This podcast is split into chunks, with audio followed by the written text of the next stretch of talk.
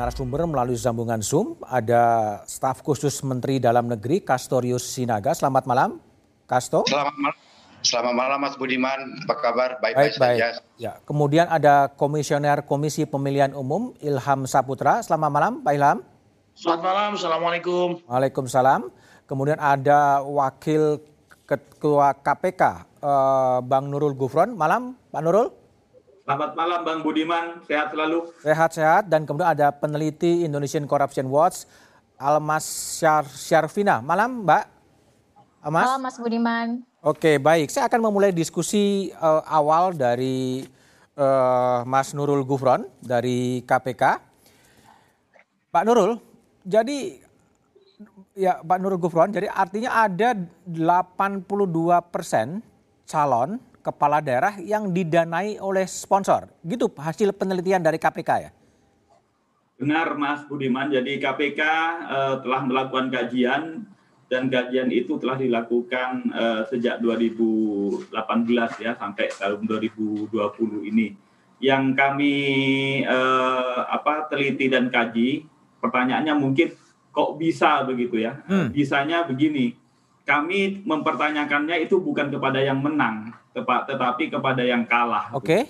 Sehingga kalau yang kalah itu uh, itu me menceritakan pertama dananya berapa yang menghabiskan ke, ke kala kala hmm. apa uh, untuk kontestasi pilkada ini, kemudian sumbernya dari mana. Nah, Oke. Okay. Kalau yang menang biasanya akan menyembunyikan itu, kalau yang hmm. kalah akan terbuka gitu. Oke. Okay. Artinya 82 persen uh, calon uh, pilkada ini khusus untuk 9 Desember nanti atau itu penelitian yang sifatnya lebih umum sebetulnya? Kami menelitinya uh, untuk pilkada sebelumnya, tetapi itu bisa okay. kemudian menjadi perspektif ke depan bahwa kita dalam bahaya, bahwa pilkada itu rentan kemudian untuk uh, dicukongi, sehingga ketika dicukongi maka KPK uh, me, me, perlu memberikan waspada bahwa uh, arah uh, pilkada ke depan yang diharapkan itu menemukan pemimpin-pemimpin yang berintegritas, hmm? pro rakyat untuk kepentingan rakyat. Tapi kalau sudah dananya uh, bersumber dari pihak ketiga, tentu kemudian setengah dari kebijakannya atau mungkin mungkin bukan hanya setengah itu sudah tergadaikan pada pada pendana politik tersebut gitu. Mas Nurul, itu persisnya gimana? Persisnya kong kali kong antara calon kepala daerah dengan para cukong atau para bandar itu persisnya gimana temuan dari KPK? Kami menelitinya begini, jadi eh, saya kira Kemendagri juga sudah melansir ya bahwa rata-rata eh, kebutuhan dana politik untuk pilkada okay. untuk kabupaten kota itu antara 20 sampai 30 Kak miliar ya lantas hmm. untuk provinsi 30 sampai 100 itu itu saya kira masih terlalu kecil juga saya kira lebih dari itu sesungguhnya nah, lantas kemudian kami mempertanyakan kepada setiap kontestas eh, kontestan atau pasangan itu mereka sesungguhnya memiliki dana sebegitu itu eh, berasal dari mana nah, yaitu hmm. ternyata eh, hanya 16 persen, eh, 18 persen yang menyatakan bahwa itu dari dana sendiri ataupun dari sumbangan eh, okay. yang yang yang legal Oke. Okay. Selebihnya itu ada sponsor begitu. Ada sponsor terus dalam proses proses pemberian sponsor ada negosiasi di balik itu? Oh, kami tidak sampai uh, sebegitu karena kami kan ke menelitinya, mengkajinya kepada uh, teman-teman pasangan-pasangan yang kalah. Sehingga apakah kemudian uh, dana uh, pilkada tersebut kemudian di di apa dikontraprestasi dengan dengan apa dengan prestasi entah entah misalnya apakah perizinan, entah sumber daya alam, ataupun uh, proyek-proyek uh, eh, PBJ itu uh, kami belum masuk ke sana, tetapi yang yang perlu di, di, di, diketahui juga bahwa uh, korupsi di daerah itu rata-rata uh, 66 persen itu berupa suap. Suap. Yang uh, suap. Lantas 20 persen uh, pada pengadaan barang dan jasa, 20 persen okay. itu pada PBJ. Itu menggambarkan bahwa uh, orientasi pilkada ingin menjadi pemimpin sebenarnya sudah kemudian ber, ber apa uh, ada bias ya ada ada ada ada ada penyimpangan harapannya kita menyelenggarakan pesta demokrasi hmm. adalah dari rakyat untuk, untuk rakyat? memilih memilih pemimpin-pemimpin yang pro rakyat ternyata seakan-akan sekarang itu sudah seakan-akan beralih kepada eh, apa seperti jual beli kuasa. Demi jual beli kuasa. kuasa. Jadi jual beli kuasa dari makanya kemudian sebenarnya kan yang menjadi pertanyaan adalah dana sebesar itu antara 30 miliaran itu apa saja itu kan kan berkisar mulai yang legal ya yang legal artinya apa okay. Okay. untuk membelanjani proses politik okay. eh, kampanye dan lain-lain ya tapi kemudian ada yang juga pada hari H untuk serangan fajar misalnya ya. amplopan ya. itu dan juga eh, bingkisan Nah, oh, Mas Nurul, kemudian, kalau kalau bentar, kalau dari kajian Anda itu ini terpola nggak sih? Ini terjadinya di wilayah-wilayah yang kaya dengan sumber daya alam, yang kaya seperti itu atau atau ini merata hampir di semuanya memang di apa? di dicukongin, dibandarin gitu. Dari 33 hmm? provinsi, ya. Jadi kami lihat faktanya saja ya, faktanya dari 33 provinsi yang gubernurnya uh, bermasalah itu 27. Jadi okay. hampir merata ini. Hampir Dari merata. Kemudian hampir okay. merata. Begitupun juga kabupaten. Jadi tidak ada tidak okay. ada yang tidak begitu ya. Dari Papua okay. sampai ke ke ke Aceh rata-rata uh, tidak pidana korupsinya itu berkisar okay. pada area suap, suap pada perizinan dan lain-lain maupun pada uh, jual beli proyek atau pengadaan barang dan jasa. Jadi kredonya bukan lagi dari rakyat untuk rakyat oleh rakyat ya, mungkin dari cukong untuk cukong oleh cukong gitu ya. mungkin begitu Anda yang bisa menyimpulkan. Nah, Oke, okay, Bang Bang Ilham gimana? Jadi kalau di aturan KPU itu kan sebenarnya ada ada maksimal sumbangan ya sampai 75 juta dan untuk parpol tuh maksimal 750 juta. Kenapa masih ada peluang bagi para bandar atau cukong untuk masuk membiayai kontestasi pilkada, membiayai bakal calon? Ya, sebenarnya uh, Mas uh, Budiman ya, uh, pertama seperti seperti Mas Budiman bilang tadi bahwa memang sudah diatur sedemikian rupa pada undang-undang dan PKPU tentang batasan uh, apa batasan sumbangan. Hmm. Tetapi biasanya uh, ada saja kemudian celah dan cara dari para uh, calon untuk kemudian me, memilah-milah ya, misalnya 750 juta tadi gitu ya Misalnya mereka bisa kemudian memilah-milah itu menjadi semua minimal 250 juta. Totalnya mungkin lebih dari itu, gitu ya. Ya, nah, ya. Betul. Tapi kan tidak diatur dalam peraturan undang-undangan terkait dengan bagaimana kemudian kalau dipilah-pilah seperti itu. Kemudian dari siapa saja sumbangan itu e, bisa diberikan. Hmm. Kan bisa aja kemudian uang itu diberikan kepada yang lain, kemudian disumbangkan kepada pasangan calon.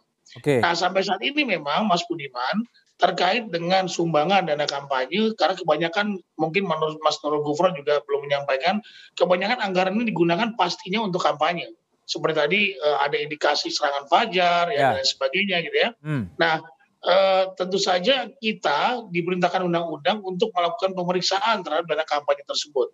Bahkan sekarang kami membuat uh, rekening uh, apa dana kampanye khusus rekening khusus dana kampanye agar kemudian uh, rekening tersebut hanya digunakan untuk uh, operasional kampanye. Jadi nanti dalam mentres uh, ke mana saja anggaran itu keluar, kami dapat uh, kemudian uh, mentresnya atau kemudian melihatnya, melacaknya. Jadi nah, KPU ini sifatnya hanya lebih pasif ya, lebih menerima laporan, asumsinya semuanya jujur gitu ya? Iya, memang seperti itu Mas di dalam peraturan undang-undangan seperti oh. itu.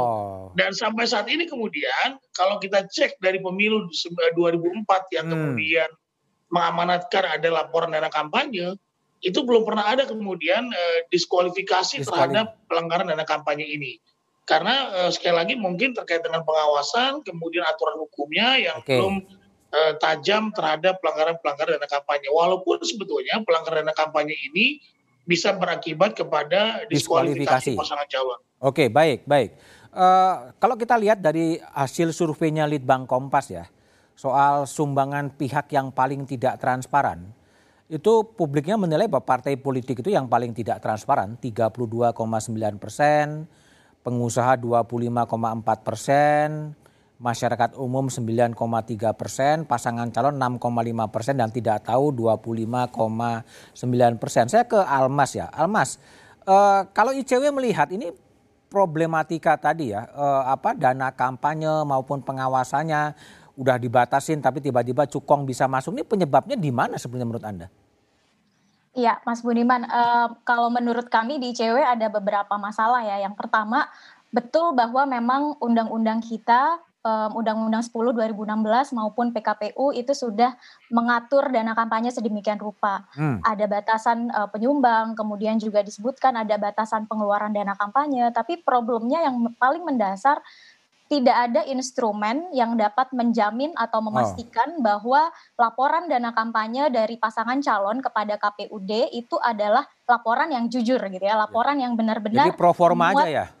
Iya, lebih ke apa namanya ya, pemenuhan syarat administratif syarat ya? begitu ya. Okay. Um, dan kemudian yang kedua, kenapa tadi disebut tidak ada instrumen untuk menjamin? Karena memang di proses auditnya lebih bersifat um, audit untuk untuk melihat apakah sudah sesuai dengan regulasi atau tidak hmm. gitu ya. Kita tidak punya data pembanding apakah memang betul pengeluaran ataupun pemasukan dana kampanye yang dikelola oleh pasangan calon itu sudah sesuai dengan realita di lapangan atau tidak itu um, satu soal. Kemudian soal yang lain, memang sudah ada batasan dana kampanye. Hmm. Tapi kalau kita lihat uh, berapa batasan dana kampanye di beberapa daerah, ini jumlahnya masih sangat tinggi gitu ya. Masih, masih sangat tinggi ya? Iya, masih sangat tinggi. Um, ada rumusnya sendiri di PKPU dan um, setiap daerah berbeda-beda begitu ya. Um, tetapi dari sisi jumlah batasan dana kampanye kami nilai ini belum efektif untuk kemudian menekan pengeluaran dana kampanye. Jadi kalau dalam biaya politiknya sangat tinggi, kalau kehadiran cukong itu sebenarnya masuk akal ya? Sebetulnya kehadiran penyumbang dana kampanye memang legal ya secara undang-undang, asalkan tidak melebihi uh, batasan sumbangan dana kampanye yaitu individu tidak melebihi 75 juta atau badan usaha tidak lebih dari 750 juta.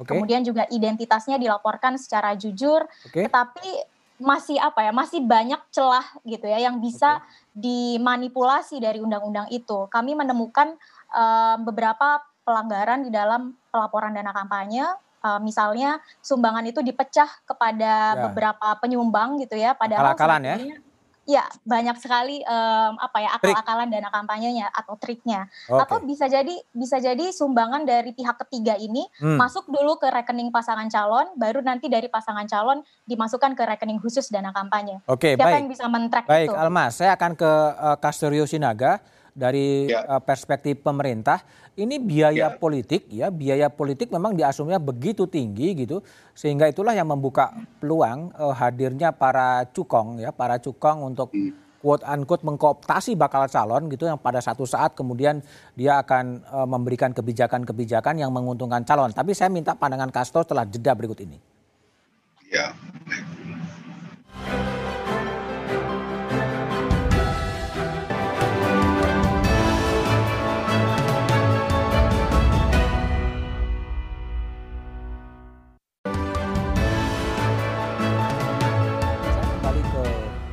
Staf khusus Menteri Dalam Negeri Kastorio Sinaga.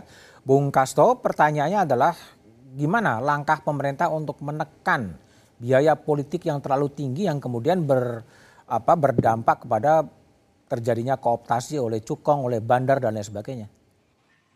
Ya, terima kasih Budiman dan juga uh, rekan-rekan pembicara yang lain. Saya kira memang benar akan masalah daripada cukangisme di dalam pilkada adalah berakar dari memang tingginya biaya politik ya. Okay. Dan biaya politik ini yang bersifat non formal ya kan kita tahu komponen-komponen biaya pilkada ini beli perahu, endorsement, biaya tim ses, biaya kampanye, serangan pajak dan sebenarnya kebanyakan uh, yang bersifat ilegal biaya yang tidak resmi itu lebih besar. Dan kalau kita lihat di dalam uh, penelitian tahun 2014 itu Kemendagri membuat penelitian ya kan da, tentang uh, apa namanya ini uh, uh, apa namanya ini biaya rata-rata ya seperti dikatakan oleh Pak Gufron itu untuk bupati wali kota itu berkisar 20 miliar sampai dengan 30. 20 Gubernur, 30 miliar untuk bupati. Ya, okay. ya bupati. 30 sampai 100 miliar adalah uh, uh, untuk tingkat gubernur. Okay. Dan kita lihat memang ada uh, kalau kita masuk ke fakta yang sangat begitu uh, real ya kan hampir uh, uh, mayoritas ya peserta pilkada itu ada kesenjangan antara kemampuan hmm. paslon itu untuk membiayai seluruh okay. biaya politik ini dengan ketersediaan uang cashnya, hmm. uang dana tunainya yang dia laporkan ke KPK. Jadi ya. Hampir 82 80 persen itu adalah memang mereka mengatakan bahwa eh, fakta mengatakan bahwa ada sumber dana yang lain yang inilah kita katakan dari Cukong eh, tadi. Cukong atau pengusaha. Nah, okay. ini adalah wajah politik elektoral atau eh, pemilihan elektoral kita yang memang ya yang memang kita eh, semua sangat miris okay. agar ini kita perbaiki. Kasto, Apa, tadi kalau disebutkan bahwa biaya untuk pilkada tingkat bupati sampai 30 miliar bahkan ada yang sampai 60 miliar, gaji seorang bupati berapa sekarang ya? Ya paling kalau dia berkiprah eh, di segi kalau formalnya itu berkisar antara huh? 7 sampai 15 jutaan. 15 ya. juta sebulan ya? Ya, seperti itu saja. Kalau oh. dia kumpulkan selama lima tahun, paling dia kembali itu lima, lima miliar atau dua miliar dan sebagainya. Lima ya. miliar. Ya. Nah itu yang ya. yang me, me, apa, menutupi ke apa gapnya itu gimana caranya tuh? Justru di sini yang disebut dengan politik cokonisme di mana ada proses simbiosis mutualisme antara okay. seorang politisi yang maju ke pilkada dengan sponsor dana yang kemudian inilah yang kita katakan mengapropriasi sumber-sumber keuangan dan sumber daya dari negara. Inilah yang menjadi karpet merah kepada korupsi dan karpet kita tahu merah korupsi. Tapi ya, gimana Kementerian Dalam Negeri mau mengantisipasinya gimana? Udah udah udah udah tahu kan penyebabnya ini ada biaya politik tinggi, uangnya nggak ada, ada cukong, korupsi kebijakan, nah, memberikan karpet merah pada korupsi terus mau diapain? Pertama, ada sebenarnya tiga uh, kanal yang kita pikirkan dan uh, untuk pilkada 2020 ini sudah kita lakukan. Tiga sebenarnya hal yang makro Pak Budiman. Pertama, kita harus mereview ya sistem Politik. pemilihan eh, kepala daerah secara okay. komprehensif. Itu tidak bisa hanya Kemendagri, tetapi juga dengan semua stakeholder DPR, hmm. KPU, KPK, civil society dan segala macam. Di manakah uh, istilahnya itu uh, uh, uh, celah-celah untuk meningkatkan integritas pilkada tersebut harus kita masukkan. Okay. Bapak Mendagri sudah mengusulkan secara progresif, yaitu kita menerapkan uh, pilkada asimetris. asimetris ya asimetris untuk daerah-daerah yang tingkat kedewasaan demokrasinya dan tingkat IPM-nya relatif rendah. Hmm. Karena mengapa? Karena di sanalah terjadi yang disebut dengan politik uang yang sangat masif, ya. Yang kalau kita lihat justru ini sebenarnya uh, uh, suatu uh, apa namanya ini suatu terobosan yang tanpa menghilangkan nilai-nilai demokrasi ini. Okay. Kita tahu demokrasi itu bukan hanya persoalan lima menit di kotak suara, hmm. tapi demokrasi itu adalah sebuah proses mulai dari penentuan pemilihan sampai pertanggungjawaban yang dipilih, apalagi zaman sekarang COVID ini. Nah, yang kedua adalah tapi jangan dianggap bahwa ide Bapak Mendagri itu adalah hendak memutar balik pemilihan langsung menjadi tidak langsung. Tidak. Ada mekanisme teknis di penerapan yang disebut dengan pemilu asimetris. Kita akan mencari the noble person di daerah melalui mungkin kompetensi partai dan lalu kemudian dinaikkan kepada yang disebut dengan uh, pilkada yang, disebut dengan asimetris. Bentar, Kasto, Kasto. Jadi yang dimaksud oleh pilkada asimetris itu kembali kepada pemilihan tidak langsung. Eh, mekanismenya seperti itu. Seperti misalnya bisa kita uh, katakan setelah ada konvensi dari partai di daerah untuk mengusulkan calonnya, maka ini dipilih secara terbuka okay. di dalam forum DPRD yang menghindari yang disebut dengan politik uang. Okay. Ya, tetapi ada dulu proses mekanisme untuk menjaring okay. kapasitas dari calon-calon pemimpin itu lewat konvensi partai yang uh, bersifat daerah. Okay. Itu yang pertama Pak Budiman. Oke, okay, baik, baik. Adalah, Saya akan berikan kepada Almas dulu. Almas, jadi kalau ya. di, solusi yang ditawarkan oleh Kementerian Dalam Negeri adalah pilkada asimetris dalam artian pilkadanya menjadi tidak langsung. Apakah ini tidak mengalihkan ya, tidak mengalihkan dari uh, yang mendapatkan rezeki rakyat kepada DPRD nanti? Ya, Mas Budiman, um, tadi yang dijelaskan oleh Pak Kasto, saya setuju di awal ya, bahwa hmm. yang membuat pilkada berbiaya tinggi itu lebih banyak pengeluaran yang sifatnya ilegal. Ilegal. Mulai dari mahar politik, jual beli suara, kemudian ada kasus juga suap penyelenggara, ada suap hakim Mahkamah Konstitusi bahkan hmm. gitu ya. Oleh karena itu, saya rasa treatment yang tepat adalah bagaimana memperbaiki uh, perilaku atau pilihan dari politisi ataupun partai politik dalam memenangkan pilkada. Ya. Salah satu yang kami dorong adalah adanya pembenahan proses kandidasi atau rekrutmen dari partai politik itu hmm. sendiri. Bagaimana partai politik dapat menyaring secara benar-benar begitu ya calon-calon yang um, mempunyai kapasitas yang bagus, track record yang bagus, okay. uh, mempunyai integritas yang bagus begitu. Hmm. Dan kami rasa dengan melempar bandul memilih kepala daerah um, oleh DPRD misalnya itu hanya melempar masalah saja. Kalau ah. sekarang kasus yang banyak adalah politik uang um, jual beli suara antara kandidat kepada pemilih, ya siapa yang menut siapa yang bisa menjamin bahwa nanti tidak ada kasus okay. politik uang serupa di mana kan uh, melibatkan kandidat dengan anggota DPRD okay. misalnya. Kemudian Baik. uh, masalah yang juga perlu kita ingat um, yang kita hadapi sekarang ini tidak hanya banyak kepala daerah tersangkut kasus korupsi, tapi ah. anggota DPRD itu juga jauh Masuk lebih juga banyak korupsi. tersangkut okay. kasus korupsi dan bahkan kasus korupsinya juga berjamaah. Oke, okay, baik, baik. Kembali ke Nurul Gufron. Jadi Bang Nurul, ini kan kalau menurut kajian KPK telah melakukan penelitian yang cukup mendalam, solusi yang mau ditawarkan oleh KPK terhadap uh, praktek cukongisasi seperti ini apa sebetulnya?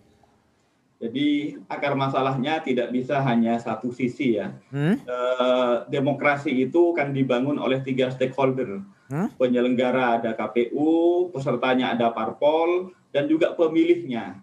Yang di yang disasar oleh Pak Kastorius itu karena karena melihat dari sisi pemilihnya dianggap tidak dewasa ya. E, tapi tidak tidak hanya itu begitu. Oleh karena itu parpol juga e, penelitian KPK yang butuh mahar uh, tinggi itu adalah karena rata-rata yang but, yang memba, yang butuh membayar mahar tinggi itu adalah rata-rata karena bukan kader.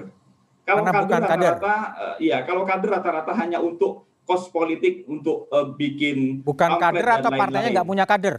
Nah, kalau karena karena saat ini uh, di elektoralnya sangat liberal, maka kemudian uh, parpol juga ke, kadang kemudian juga ber, berpikir apakah uh, calon dari kadernya itu layak jual atau tidak atau hmm. memiliki dana atau tidak. Akhirnya itu yang mengakibatkan kemudian parpol juga kemudian tidak tidak berani mencalonkan kadernya karena Sehingga tidak populer. Itu, uh, tidak populer, tidak okay. punya biaya uh, dan okay. kemudian itu yang kemudian mengakibatkan uh, ada diaspora politik. Uh, saya dari uh, parpol X ya tidak didukung oleh DPP merasa punya punya dukungan saya kemudian bisa pindah ke ke partai lain dan itu itu terjadi begitu itu yang mengakibatkan uh, uh, apa tukongisme itu masih tetap terjadi oleh karena itu kami berharap sekali lagi uh, parpol itu perlu kemudian ada SPIP artinya uh, bagaimana me, me, me, me, mengintegritaskan mulai dari kaderisasi itu harus dihargai okay. tidak boleh ada proses kaderisasi tapi kemudian tidak dihargai oleh oleh parpolnya sendiri kemudian okay. parpolnya di, di, dipakai oleh kader parpol lain atau bahkan non non kader gitu. Okay. Mari kita uh, kita menurut menurut KPK kita perlu konsisten bahwa parpol itu adalah kendaraan bagi kader. Okay. Kalau bagi yang tidak kader ya biarlah menggunakan independen. Oh, dan itu susah juga ya? Ya, saya kira begitu. Oke, okay, baik, baik, menurut saya kembali juga. ke Kasto, kembali ke Kasto. Jadi masa depan demokrasi pilkada ini jadi seperti apa? Kalau faktanya kan kemudian kontestasinya dibiayai oleh Cukong, oleh Cukong dan kemudian kebijakannya untuk Cukong. Jadi gimana nanti nih? Nah, digadaikan kepada siapa negara ini jadinya? Kas? Ya, memang uh, saya kira tidak terlalu hiper, ya tidak terlalu hiperbola seperti itu penggadaian negara ya tetapi kita tahu negara kita negara hukum ya masih ada banyak eh, kekuatan-kekuatan uh, yang bisa mengontrol ya kas Halo? Sinyal, ada gangguan sinyal ya? Uh, yang disebut dengan ya. Uh, halo, halo. Ya, ya, silakan. Halo. Ya. Kalau kita Oke, ada gangguan sinyal. Bang Ilham. Jadi kalau menurut Bang Ilham gimana nih? Jadi uh, solusi yang ditawarkan oleh KPU semata seperti apa? Apa namanya? Pak Kasto masih bicara. Ya Kak, silakan. Masih bisa Kak? Sinyalnya oke? Okay? Ya, oke. Okay. Bisa didengar? Ya, ya oke. Okay. Silakan Kak. Bisa didengar? Ya, jadi kalau kita ya kita lihat dari Pak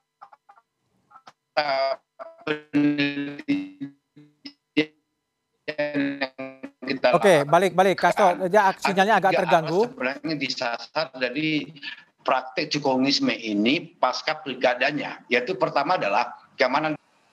Ya, halo. Ya silakan silakan. Halo, masih dengar? Yang kedua adalah tentang masalah memang uh, perizinan khususnya dalam berkaitan dengan tender, pengadaan jasa dan barang. Dan ketiga adalah akses kepada BUMD, resources. Ya, kalau ini memang harus kita jaga secara bersama. Dan yang ke, yang paling penting adalah memang seperti yang saya katakan dari semula kita memang harus mencoba hmm. mencari terobosan untuk okay. memperbaiki regulasi termasuk di dalam yang saya katakan mengintrodusir ya pilkada yang bersifat asimetris. asimetris. Tidak semua yang bersifat ya dengan ukuran-ukuran tingkat IPM, indeks pembangunan masyarakat dan tingkat kedewasaan poli, eh, demokrasi dari daerah ter, eh, tersebut. Nah, oke. Okay. Ini ini telah terjadi di beberapa uh, daerah di Indonesia dan ini relatif berbiaya murah. Okay. Ketika di DKI misalnya wali kota tidak dipilih oleh rakyat, tapi dipilih oleh gubernur dan hubungan antara pusat dan daerah sangat begitu bagus. Nah, oleh karenanya uh, dalam hal ini Pak Budiman, kita harus terbuka baik dari sisi perbaikan regulasinya maupun dari sisi gagasan ya dan juga penegakan hukumnya. Okay. Saya kira kalau ini di dimasukkan, saya kira kita akan mengendalikan katakanlah cukogisme di dalam pilkada ini. Baik, baik. Terima kasih Kasterio Sinaga. Selanjutnya adalah bagaimana dampak dan masa depan demokrasi kalau kemudian semuanya adalah kekuatan kapital, kekuatan modal yang mengelola itu semua, tapi jawabannya setelah jeda berikut ini.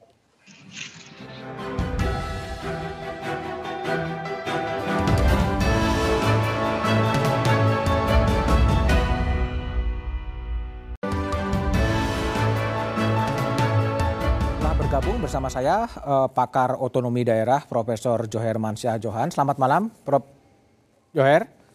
Ya, selamat malam, Mas Budiman. Baik, uh, di, ini gimana Prof. Joher melihat ketika Cukong ya, ketika Cukong uh, memainkan peran sentral dalam pilkada, yang dilihat oleh Prof seperti apa ini?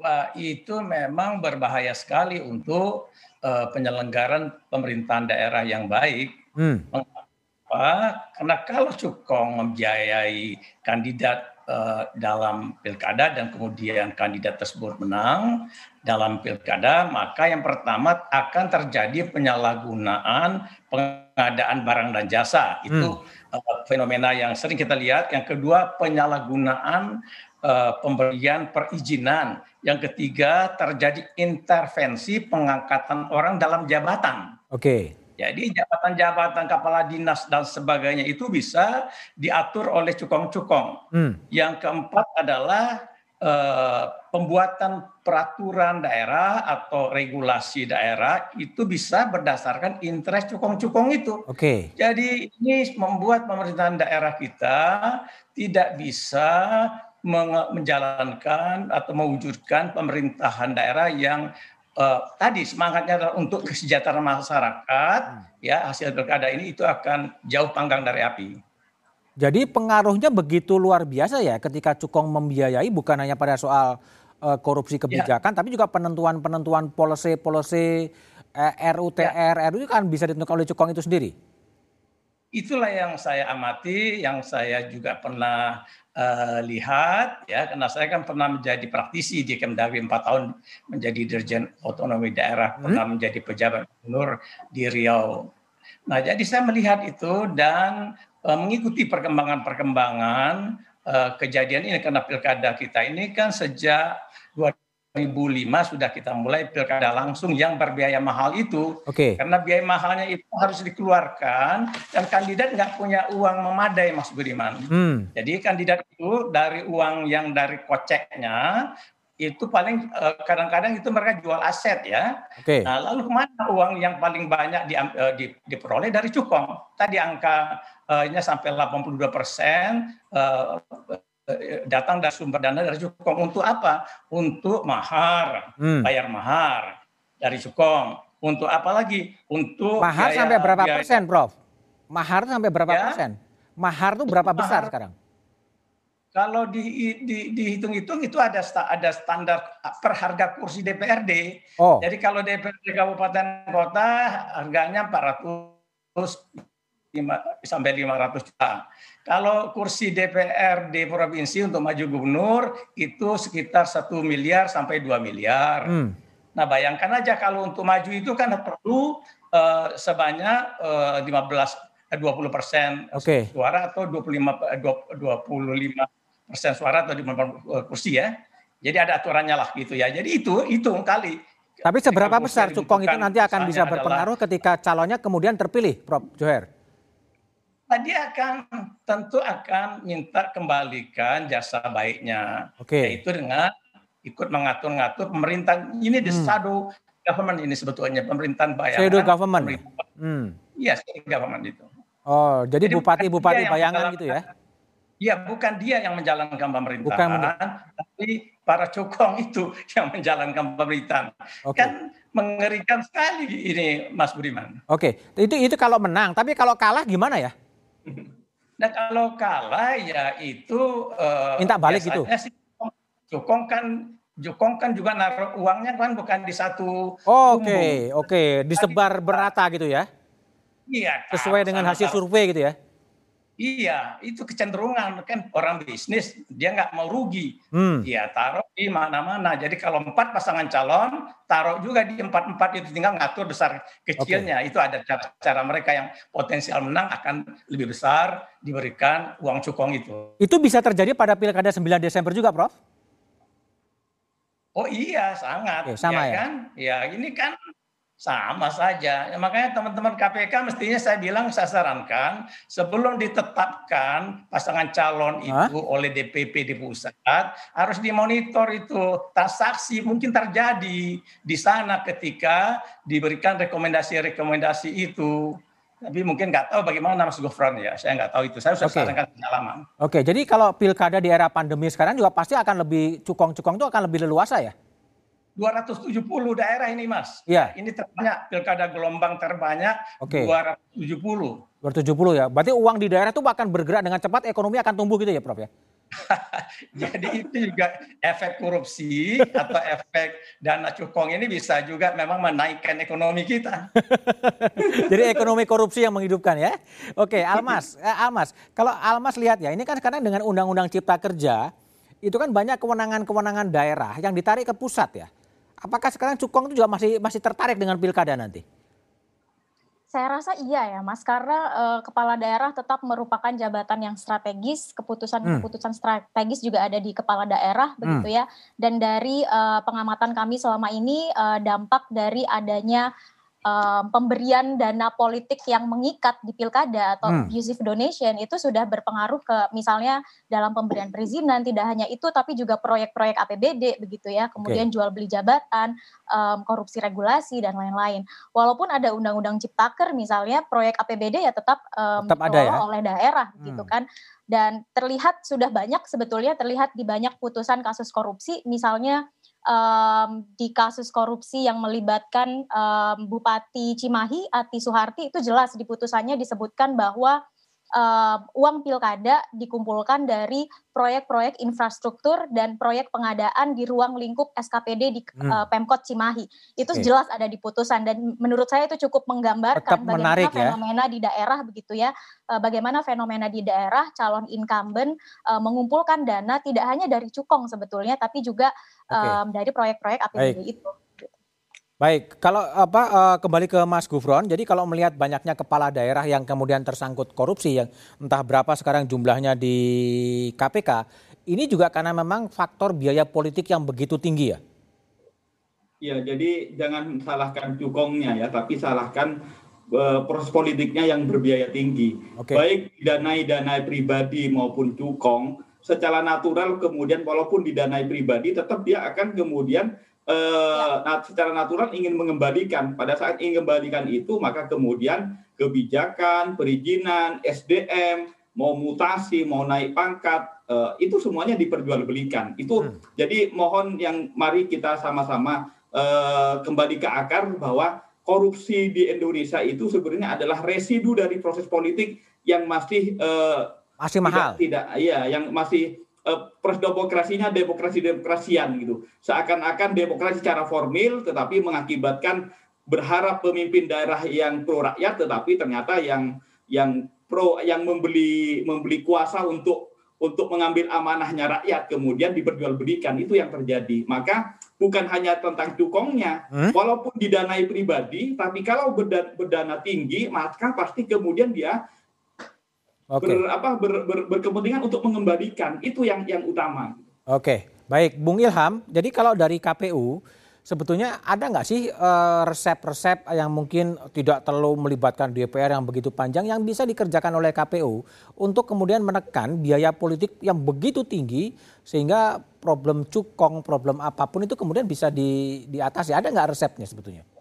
Ya, sekali lagi KPU bekerja berdasarkan peraturan undang-undangan nih, okay. Mas Budiman. Ya. Pengalaman kita kemudian kita mencoba membuat peraturan yang progresif dengan seperti kemarin melarang mantan koruptor untuk ikut pil uh, untuk ikut pilkada itu ikut pileg juga. kemudian dipersoalkan oleh Mahkamah Agung atau kemudian dibatalkan oleh Mahkamah Agung. Okay. Nah sekarang tentu kita harus hati-hati sekali terkait dengan kebijakan-kebijakan progresif kita. Hmm. Tetapi dalam dana kampanye saat ini kami sudah melibatkan PPATK okay. untuk kemudian bisa masuk terkait dengan eh, apa dari mana dari mana dan ke mana rekening dana kampanye tersebut bisa digunakan dalam proses kampanye.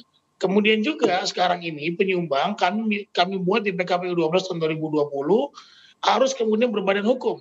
Hmm. Karena dengan berbadan hukum itu kita bisa melihat kemudian eh, kredibilitas dari orang-orang atau kemudian dari badan hukum yang menyumbang ini. Hmm. Nah, tentu kita bisa kemudian bekerja sama dengan Kumham dan juga dengan Kesbangpol dari masing-masing daerah. Nah, sekali lagi Pak Budiman bahwa kita hanya diberikan kewenangan untuk kemudian menyebut eh, apa menyampaikan laporan penerimaan dan pengeluaran dan dana kampanye kepada KPU. Okay. Nah, itu saja. Kemudian KPU menyiapkan eh, kantor akuntan publik untuk mengaudit. Nah, hasil auditnya ini tentu saja eh, selama ini tidak eh, diberikan semacam kewenangan yang kita bisa melakukan eh, apa sesuatu yang bisa mereform lah terkait dengan cukong-cukong yang seperti Pak Budiman bilang ini. Okay. Nah mungkin Pak Jo juga bisa memberikan uh, apa gambaran tentang ini bahwa ke apa konstruksi undang-undang pilkada ini ya seperti itu terkait dengan okay. dana kampanye.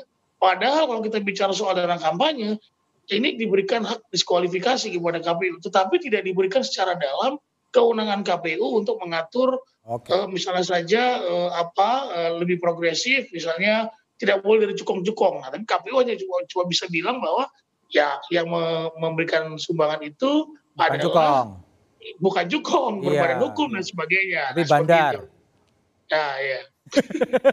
Oke, tapi PR-nya gini, bagaimana kemudian menjadikan agar demokrasi ini betul-betul dari rakyat untuk rakyat oleh rakyat dan meminimalisir uh, potensi-potensi kapital yang bermain, tapi jawabannya adalah setelah jeda berikut ini.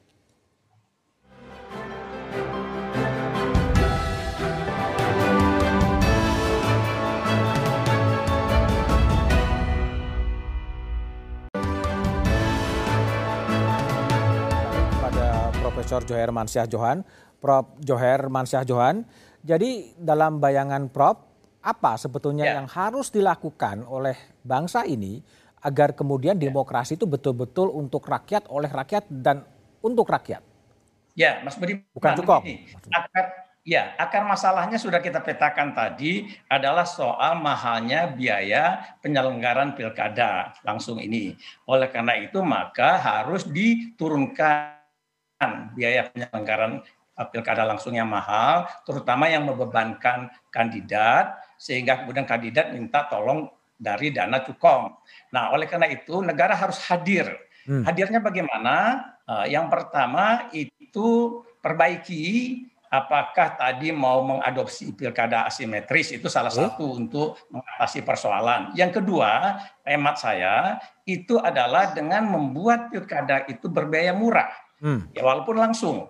Biaya murah itu bagaimana caranya? Yang mahal itu kan biaya bayar saksi, biaya-biaya alat peraga, ya. Okay. Itu semua biaya kampanye itu ditanggung oleh negara. Negara. Okay. Negara membiayai.